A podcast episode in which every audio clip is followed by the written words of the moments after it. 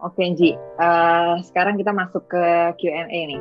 Q&A menjawab pertanyaan-pertanyaan netizen yang udah gue ambil dari Instagram Q&A box. Baik. Sebenarnya sih ada ratusan by the way kemarin pertanyaannya, tapi gue ngambil wow. 10 aja ya. Kalau dijawab semua bisa 10 jam sendiri kali. ratusan. Oke. Okay. Langsung aja nih. Ya. Uh, pertanyaan pertama, pernah marah nggak sama pendapat orang tentang suatu hal? Marah Kalau sama pendapat tentang orang? Apa? Tentang marah? suatu hal. Ya mungkin kayak lu dengar suatu pendapat terus lu emosi banget gitu dengar pendapat itu gitu kali ya. Kalau ada wow. tentang apa atau mungkin isi pendapatnya apa? Uh, Salah satu eh. aja kalau misalnya ada banyak. malah gue cenderung nggak nggak marah-marah sama apa yang orang omongin terhadap gue bahkan gue dan teman-teman gue tahu juga nggak mudah marah kalau yang diomongin adalah istri dan anak-anak gue sendiri hmm. uh, sama kayak gue berarti iya terakhir kali gue marah banget sampai nangis hmm. itu ada hubungannya sama komunitas stand up justru uh, ketika tapi ini udah udah settle sudah selesai. Ketika waktu itu ada ada info bahwa ada yang mau menjadikan sebuah kata sebagai sebuah merek dan bukan bukan oleh si uh, kan ada open mic yang dijadiin merek tuh merek dagang sekarang. Jadi kita nggak bisa make. Hmm. tapi ada lagi teman-teman kita sendiri yang mau mendaftarkan sebuah istilah stand up sebagai merek. Hmm. gue denger itu marah sekali karena kayak ini sesuatu yang gue sangat cintai terus uh, sesuatu yang um, dekat sama hati gue terus sesuatu yang dekat sama hati teman-teman gue dan waktu itu gue ngerasa why would you do this to us? gitu. Jadi ya itulah tapi ini udah lewat dan udah clear semuanya dan gak jadi didaftarin sebagai merek oh gitu jadi abis yang lo marah itu terus uh, udah bukan gue doang yang marah semuanya oh. marah oh banyak iya Iya. Next question. Faktor apa yang menentukan uh, lo dalam memilih? Misalnya apakah lo ngikutin alasan logisnya atau ajakan orang lain atau faktor lainnya? Mungkin diurutin kali ya. Maksudnya pasti ada banyak faktor, tapi mungkin lo bisa share kayak faktor apa yang biasanya paling atas gitu prioritasnya, and then baru mungkin faktor-faktor lainnya. Uh, Oke, okay, gue agak susah untuk jawabnya, tapi kurang lebihnya biasanya sesuatu yang gue ambil Hmm. atau sebuah keputusan yang gue ambil itu adalah karena poin plusnya berderet gitu. Gue jarang sekali ngambil sesuatu kalau misalkan poin plusnya itu cuma satu. Walaupun poin negatifnya nol. Hmm. Tapi jarang sekali. Uh, ketika gue ngambil sebuah keputusan tuh rata-rata karena um, dia akan punya dampak baik beberapa langkah ke depan. Hampir kayak main catur ketika lu majuin satu satu piece gitu itu sebenarnya bukan cuma untuk apa yang di depan lu tapi untuk ngebuka yang lain dan segala macam jadi hampir semua keputusan yang gue ambil itu uh, karena poin plusnya ada beberapa sisanya keputusan gue ambil karena sejujurnya karena lebih ke mendesak dan sebuah keputusan harus diambil uh, itu juga sering jadi kayak Urgency karena ya berarti ya Iya. Tingkat iya. urgency. Iya. Um, ya. Ini ada sebuah keputusan yang harus dilakukan, dilakukanlah gitu. Sisanya sih sejujurnya gue ngambil keputusan yang gue pengen aja. Um, tapi tentu walaupun gue bilang ya gue pengen aja, tapi kan ketika gue bilang gue pengen, gue udah tahu bahwa uh, datang dengan resiko. Jadi ya ya udah gitu. Tapi hampir hampir semuanya bahkan sebuah tweet aja ketika gue naikin walaupun harus gue akuin banyak tweet-tweet yang tidak dipikirkan dengan matang tapi kadang-kadang ketika gue bikin sesuatu tuh adalah karena ada ada alasan satu dua tiga empat yang membuat gue oke okay, bener ini dia ayo kita ambil sisanya karena mendesak sisanya lagi karena gue pengen ya berarti kalau mengikuti opsi-opsi yang dia kasih nih lo lebih condong prioritas paling atasnya tuh alasan logisnya ya yang menunjukkan plus minus dari si pilihan ini yeah, bukan yeah. ajakan orang lain. lu yeah, bukan tipe yang ikut-ikut ya misalnya. Orang banyak orang justru ngikut-ngikut gue, tolol tuh semua orang tuh. Gue bilang jangan percaya gue, gue udah bilang gue bilang gue bilang berulang-ulang loh, jangan percaya Panji saja. Cari yang lain orang ngomong apa. Tolol. Oke, okay, next uh, question. Ini penting sih karena gue juga cukup ngikutin beberapa kali uh, materi stand up lo kan. Terus lo sempet bahas Eh, topik-topik uh, legalisasi. Jadi dia nanya nih, Coba dong dibahas semua yang dia bilang harus dilegalisasiin tuh uh, gimana sih maksudnya idenya tuh gimana gitu kayak kenapa harus dilegalisasi gitu kali ya pertanyaannya yeah. soalnya okay. katanya kurang detail iya lah lagi stand up masa suruh ngedetailin kenapa ini harus legalisasi iya emang aneh aneh mereka oke okay. Beberapa hal yang gue ingin untuk dilegalisasi yang pertama adalah uh, lebih tepatnya regulasi gue nyebutnya regulasi ganja Hmm. Kenapa gue pengen regulasi ganja? Karena nggak apa-apa. Karena nggak apa-apa. Nggak maksud gue nggak apa-apa regulasi ganja. Gue selalu bilang gini. Yeah. Kalau ganja nggak diregulasi sama pemerintah, maka orang yang punya kuasa akan ganja selalu orang-orang dunia gelap. Hmm. Kalau lu nggak mau dunia gelap menguasai ganja, ya pemerintah ambil sikap, regulasi aja. Sama kayak waktu prohibition era di Amerika Serikat, alkohol nggak boleh, yang mainin mafia semua itu. Ya. Karena pemerintah sadar salah deh kita uh, mengilegalkan alkohol, udah mending kita kelola lagi aja.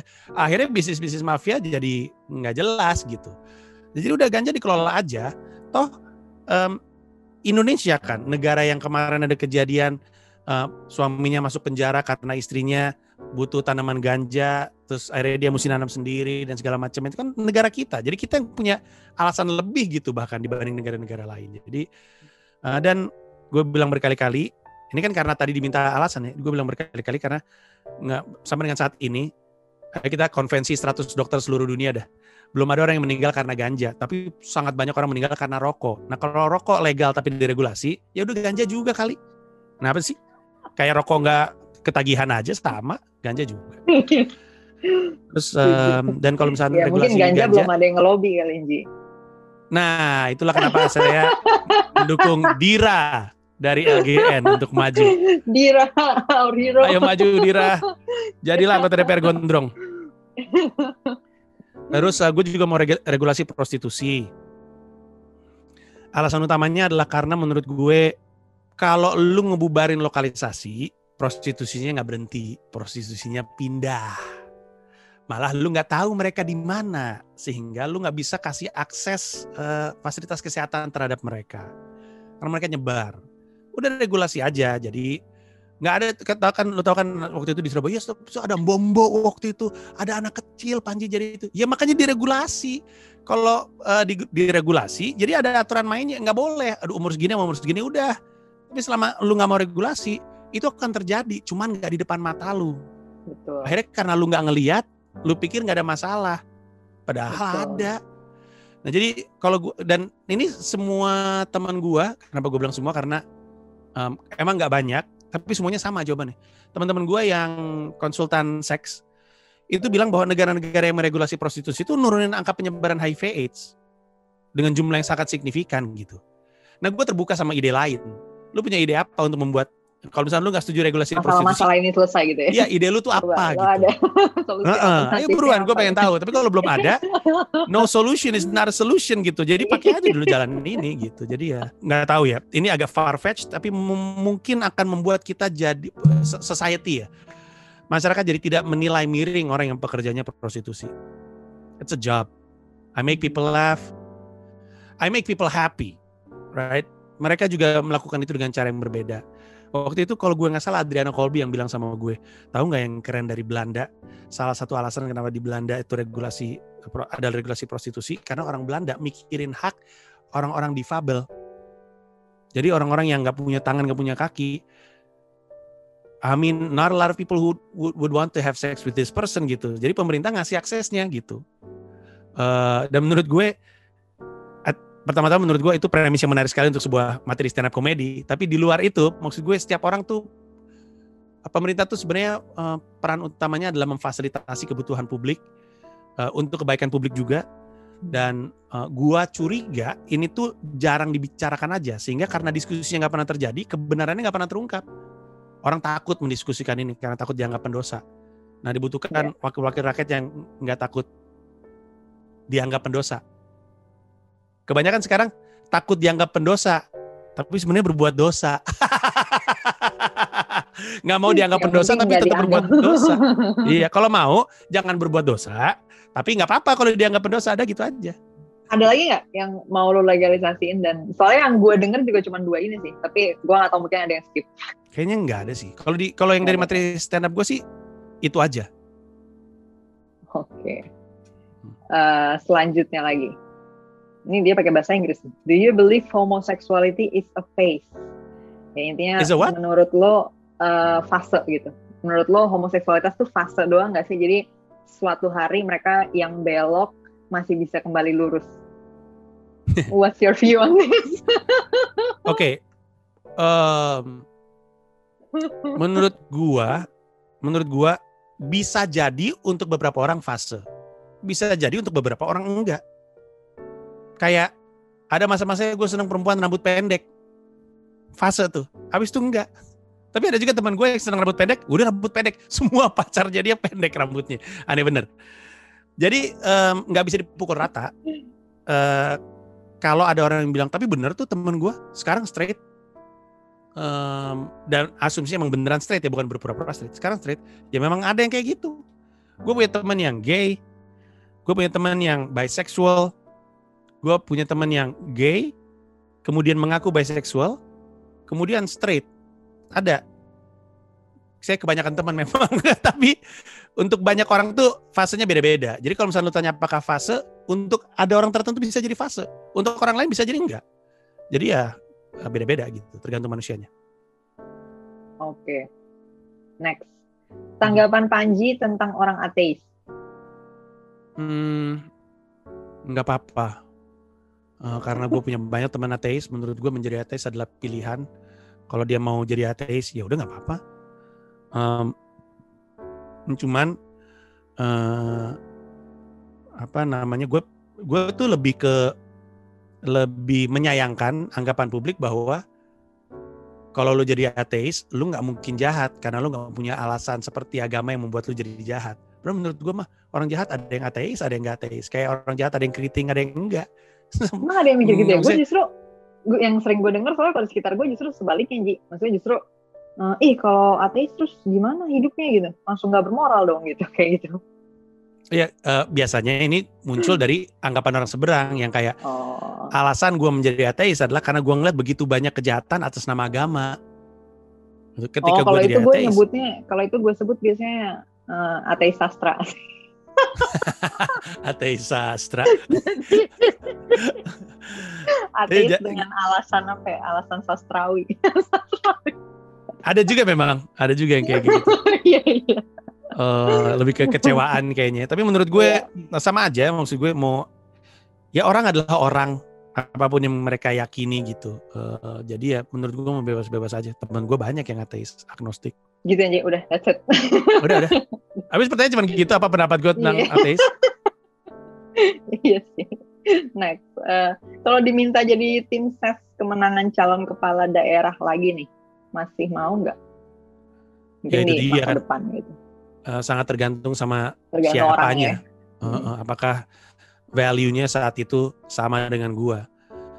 Um, maksudnya gua nggak mau menutup kemungkinan itu. Tapi pengennya sih enggak lah ya. Udah udah uh, gua udah dapet apa yang gue cari kemarin. Yaitu wawasan uh, premis stand up terus um, apa namanya vantage point itu itu yang paling paling menarik dari terlibat di politik kemarin gitu. Gue bisa punya harus gue akuin hitungannya jadinya privilege ya. Punya privilege untuk berdiri dari sudut pandang yang selama ini nggak pernah gue ambil dan dengan itu yang gue lihat baru sama sekali. Menurut gue itu adalah um, hadiah terbesar dari keikutsertaan gue kemarin. Mengubah cara pandang gue uh, dalam banyak hal.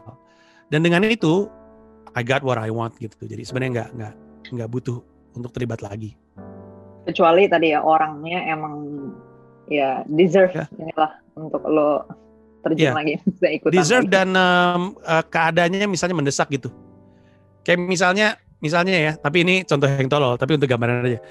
Kalau misalnya entah gimana ceritanya orang um, tiba-tiba banyak yang mau ngedukung uh, Jering dan Deddy Kobuzier jadi capres cawapres Gue sih kayaknya maju di kubu seberangnya aja deh. Cahyadi, Anda duduk saja di depan mikrofon Anda. Beli drink, Anda fokus dengan keluarga Anda saja. Oke, uh, selanjutnya, Bang, lo kok bisa banget sih ngelihat peluang kayak perihal 0044 itu lo jadiin hoodie lah, konten lah, itu gimana sih munculnya? Oke, oke. Okay. Ini juga kebiasaan gua sih. uh, tadi kita uh, di di obrolan sebelumnya kita sempat ngomongin soal gue emang terlatih aja uh, ngelihat sesuatu dan menjadikan itu sebagai sesuatu yang lain. Tapi dalam hal yang dia maksud, gue tuh emang cenderung ketika ada masalah tiba, itu tuh selalu gue bisa manfaatin. Karena pilihannya tuh kan cuman gue terima ini sebagai sesuatu yang akan menyakitkan. Ini ada ombak nih datang nih. Ada ombak datang. Pilihannya tuh cuman gue kabur gue terima atau gue tumpangin. Nah gue tumpangin maksudnya surfing gitu. Nah um, kalau lu bisa menumpangi siapa pun yang merasa bisa menumpangi pasti akan ngambil pilihan menumpangi. Uh, kalau lu ada di laut terus udah ngeliat oh dunia ada ombak nih. Kalau lu nggak bisa lu akan kabur.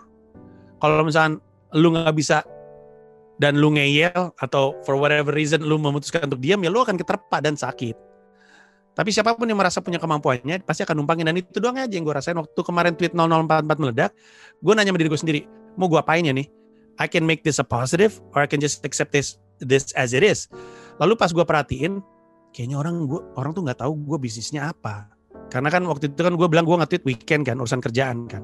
Terus semua orang pada marah, ngapain lu urusan kerjaan weekend? Gue cukup kaget by the way soalnya itu. Gue uh, jujur reaksi gue pada saat itu gue kaget orang marah soal ini gitu. Karena iya. Gue gitu assuming sih gini, maksudnya ya kan mungkin aja dia emang punya arrangement itu kan. Maksudnya di awal hmm. dengan tim lo gitu ya nggak sih? Maksudnya kayak gue iya, bisa berasumsi dong bahwa misalnya mereka terpaksa atau mereka under pressure atau gimana gitu kan. Siapa tahu ya arrangement hmm. waktu kerjanya mungkin di situ atau yeah. arrangement budaya kerjanya mungkin begitu gitu. Betul, tapi sebenarnya alasan paling paling jelasnya adalah kenapa gua WhatsApp kerjaan di weekend adalah kami promotor event. Ya kan event weekend semua kali kali gua nggak WhatsAppan urusan kerjaan. Kan kami kerjanya weekend. Gimana dong? Masa mesti gue samperin semua orang? Nah tapi yeah. akhirnya gue gua gua bilang oh orang nggak ngerti gue bisnisnya apa. Ya udah kalau gitu gue manfaatin aja. Let's let's do a let's do a some sort of media uh, media visit. Habis itu cerita sama orang karena orang pasti pengen disamperin sama Panji untuk klarifikasi 0044, tapi sama Panjinya dimanfaatin untuk cerita, gue punya bisnis namanya Comika. Gue kasih tahu bisnisnya apa. Ya udah, uh, hoodie sih sebenarnya bukan sesuatu untuk um, nyari duitnya, tapi gue tuh punya tendensi kalau ada pesan yang mau gue sampaikan ke sebuah tempat, gue pakai atributnya untuk memperkuat pesan yang mau gue sampaikan.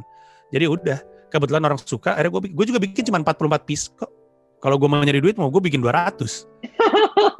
dua ribu ya iya jadi ya, ya udah by the way gue baru tahu gue soalnya uh, belum akses nih konten-konten si 0044 ini gue iya. cuma yeah. tahu Traxos waktu itu pas awal banget yang di tweetnya itu Terus jadi rame di mana hmm. oke okay.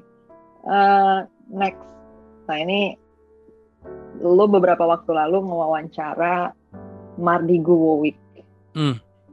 and then gue ditanyain nih coba pendapatnya Panji tentang Mardigo dong. Tanyain ke dia tentang Mardigo gitu pendapatnya gimana. Setelah lo interview beliau. Karena kan ya dia termasuk inilah sosok yang banyak dibicarakan orang lah ya. Iya. karena pendapat-pendapatnya yang menarik. Iya. Di permukaan dia kelihatan resourceful sekali. Um, kelihatan sekali Pak Mardigu ini banyak temennya sehingga banyak diskusinya dan banyak wawasannya dan banyak bisa menyaring kutipan dan cara pikir. Mungkin banyak bacaannya, gue juga nggak tahu. Tapi di permukaan beliau ini resourceful. Underneath, I think there's something more. Tapi uh, I choose to reserve my judgment. Tapi istilahnya there uh, more than meets the eye. There's something else with this person um, that I'm not sure what and uh, why. Cuman karena gue selalu mem, me, apa ya, mencoba memahami sebelum membenci, I can't hate a person because I don't understand the person. Uh, but I feel like there's something else. There's something else about this person that I don't understand yet. Um, ada beberapa jawabannya tidak kelihatan. Makanya tadi gue bilang dia banyak temen. Jawabannya tuh kayak jawaban yang dia kumpulkan ketimbang jawaban yang dia dapatkan dari perjalanan hidup gitu misalnya?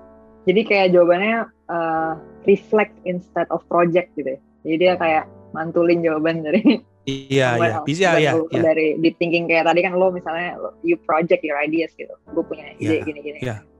Emang bisa bakal kedengaran beda sih harusnya dengan reflect ya. Ya karena nggak usah banyak-banyak. Kadang-kadang dalam satu obrolan ada yang nggak sama alurnya. Jadi bukan nggak nyambung, tapi kok cara pikir kayak gitu keluar dari yang barusan ngomong gini ya. Lebih kayak gitu.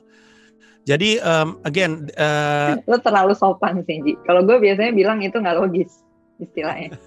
bukan bukan beda alurnya. Itu namanya nggak logis. Lo tadi premisnya gini, premis keduanya kebaliknya gitu, terbalik logikanya gitu. Ya, yeah. namanya illogical. iya, tapi uh, ya bisa jadi. Cuman um, again, I reserve my judgment. I don't, I don't, I don't wanna, um, I don't know tepatnya. Eh, kalau orang nanya uh, pendapat gue tentang dia, gue nggak bisa jawab cukup dalam. All I know is everything in me is saying there's something more to this person. I'm not seeing it right now. Hmm. It's either uh, belum dikeluarin atau emang nggak dikeluarin. But there's something more gitu. Next question. Uh, sebutin dong lima film Hollywood favorit, top 5 film Hollywood favorit. Panji. Ini buat wow. rekomendasi nih. Lima nih. Lima. Oke, dari yang gampang dulu ya. Banyak dari yang gampang ya. dulu ya. Yang udah yang udah pasti yang udah pasti nih mah. Bad Boys satu. Will Smith, Martin Lawrence, Eh ini dia bajunya gue pakai. Ini dia 25th anniversary Bad Boys. Wow, uh, gue belum nonton itu by the way. Gak perlu itu film buddy cup standar gitu. Cuman at that time jadi hmm. di tahun yang sama, eh, tahun yang sama, uh, setahun setelahnya. Jadi Bad Boys itu kayaknya 95 apa 96. Anjir pas gue lahir dong tuh. Waduh, sulit. Setelahnya entah 96 97 itu Independence Day. Nah, itu nomor dua tuh. Dua-duanya filmnya Will Smith. I see. Jadi uh, gue suka Independence Day, terus gue suka uh, Bad Boys, terus ini harus gue kalau mau bilang suka secara rasa tuh kayaknya kayaknya enggak ya. Tapi gue nonton tuh sering banget itu The Social Network hmm. uh, David Fincher. Sering banget gue tonton. Ini ada satu film yang seharusnya membosankan kalau kita pikir-pikir ya. Sebuah film tentang startup gitu. Apa sih? Tapi aduh dia dia bisa lucu dia bisa mencekam it can push you on the edge of your seat. Habis itu lu bisa kagum dengan dialognya, it's so interesting. Dan hmm. ada teknologi tapi orang nggak ngeh gitu karena um, nggak nggak bukan kayak Star Wars wow teknologi gitu. Bukan kayak Avenger wow teknologi. Teknologinya dipakai untuk bikin orang kembar aja gitu. Tapi susah itu sebenarnya. Terus um, ya gue gue sering banget nonton film itu. Jadi ada Social Network ada Bad Boys ada ini beda sih sama ada Interstellar kayaknya. Interstellar. Empat ya baru ya? Iya, empat. Interstellar. Gue tuh sebenarnya suka sci-fi yang nggak memunculkan aliennya. Uh, film Contact zaman dulu tuh gue suka banget Terus uh, kayak film The Arrival, walaupun aliennya muncul, tapi uh, apa namanya yang jadi dasar dari film itu bukan aliennya sebenarnya. Itu membuat gue tertarik gitu. Sama kayak uh, Interstellar, sama kayak um, Contact juga. Contact bahkan seandainya kontak dibikin sekarang mungkin gue mendahulukan kontak daripada Interstellar uh, karena gue nggak sering nonton kontak tapi gue suka banget gitu gue suka banget film kontak Terus uh, satu lagi berarti ya. Um, wow. Oh, gue masukin ini aja deh. Uh, Serendipity. Ya, ada romcom satu biji gue taruh. Uh, uh, Kate Beckinsale sama John Cusack. Gue seneng itu. Gue sebenarnya sih seneng romcom pada pada umumnya ya. It's, a, it's just a feel good movie I like to watch. Um, tapi itu itu menurut gue film Serendipity itu the way they pace the movie um, gue bilang they itu maksudnya yang nulis dan yang ngedirect. The way they pace the movie is, I, think it's very interesting. It's like a, apa uh, Wild Goose Hunt gitu yang ditutup dengan bagus gitu. I just like the movie so much. Malah um, gue selalu bilang sama orang-orang, kayaknya film itu salah satu alasan kenapa gue akhirnya menikah istri gue. Karena film itu tentang orang yang mau kawin, itu istrinya sebenarnya nggak kenapa-kenapa si calon istri gak kenapa-napa. Cuma ada cewek baru aja, terus dia pindah. Nah kejadiannya persis kayak gitu tuh gue sama istri gue sekarang. Waktu itu lagi hampir nikah sama seorang perempuan, tapi muncul yang sekarang. Harus bergeser ke situ. itu dia lima, lima filmnya. Jadi uh, lu relate banget ya berarti untuk film gara-gara ceritanya sama ya. Iya. Oke, ini last question sih. apa ya. yang dipikirkan Panji terhadap Kania? I think it's like what's your impression of Kania? um, can be a first impression, can be a current impression, uh, terserah. gua ngerasa Kania itu uh, uh, orang yang otaknya meranggas gitu. Jadi kayak kayak uh, there's a orang itu ya kalau pinter itu tuh selalu resah gitu dan otaknya tuh kayak uh, butuh stimulan dan butuh tektokan dan butuh sesuatu. Gue tuh ngerasanya kayak gitu karena gue kadang-kadang ngobrol sama kan itu bisa lama banget sama hal yang nggak perlu ada topiknya bisa uh, dan nggak semua orang bisa kayak gitu. Tapi biasanya orang penasaran yang kayak gitu. Jadi gue rasa kan itu orang penasaran, orang penasaran yang semakin banyak yang dia konsumsi, semakin luas yang bikin dia penasaran dan unapologetic aja menurut gue orangnya.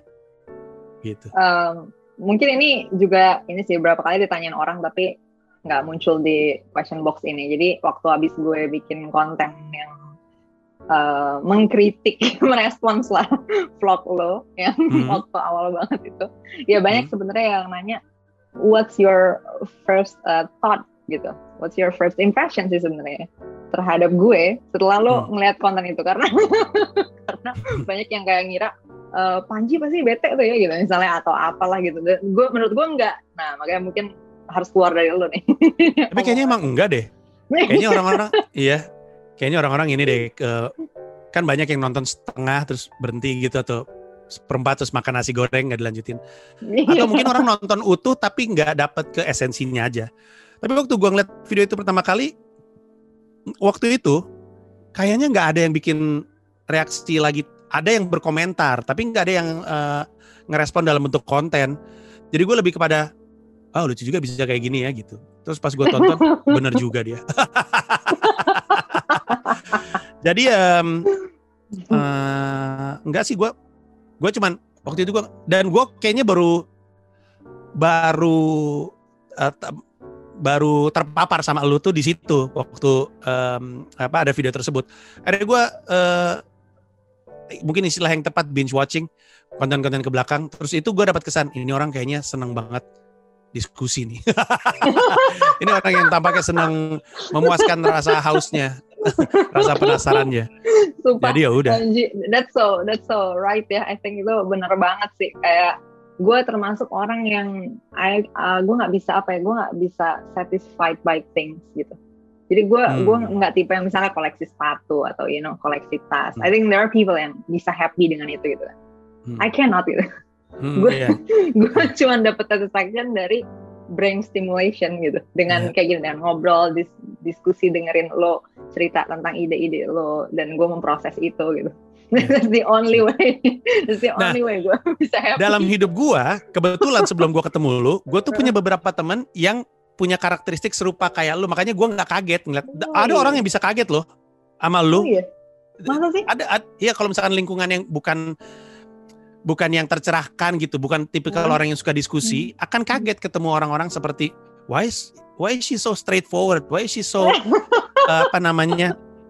Uh, it might come off as aggressive tapi itu lebih ke relentless aja gitu terhadap apa yang lagi dia ingin cari tahu gitu tapi karena lingkungan gue adalah lingkungan diskusi dan segala macamnya selalu orang-orang yang um, secara intelektual tuh meranggas gitu selalu kenapa kayak gini? Kenapa kayak gini? Terus akhirnya jadi diskusi dan pengalaman hidup gue berdekatan dengan orang-orang ini tuh sebenarnya menarik karena uh, lu bisa narik banyak dari dia dan lu bisa nggak sengaja menyadari sesuatu dari lu sendiri ketika lu melibatkan diri dalam diskusi-diskusinya. Terus kadang-kadang bisa oh kok gue bisa mikir kayak gitu ya? Untung gue deket-deket sama ini orang gitu. Jadi um, gue nggak gitu kaget. Nah untuk orang yang nggak pernah dikelilingi orang kayak gitu ngelihat lu mungkin bisa kaget gitu. Oke. Oke. Uh, ya ini bukan pertanyaan sih ada yang ngomong aja mau titip makasih katanya. Udah bikin lumayan banyak pandangan aku berubah ke arah yang lebih baik. Sekarang. Bilang gitu lagi lagi ya. Sekarang yeah. besok besok santai aja dulu okay. Reserve your judgment thank you banget Ji uh, waktunya uh, dan kesediaannya udah mau ngobrol hari ini dan jawabin pertanyaan-pertanyaan netizen buat pertanyaan yang lain yang belum terjawab, yang sekarang lagi pada nonton terus ternyata pertanyaan yang gak kejawab, sorry karena waktunya juga terbatas. Hmm. Nggak mungkin ya 400 atau 300 pertanyaan dijawab semua. Oke, bisa-bisa sampai pandemi udah kelar kali ini baru kejawab. yeah. uh, Oke okay. okay, sih, uh, stay safe. Uh, salam juga buat keluarga tadi. Uh, hopefully bisa cepat recover ya. Amin, thank you. Makasih banyak. Yeah, have a nice Bye. day. Thank you.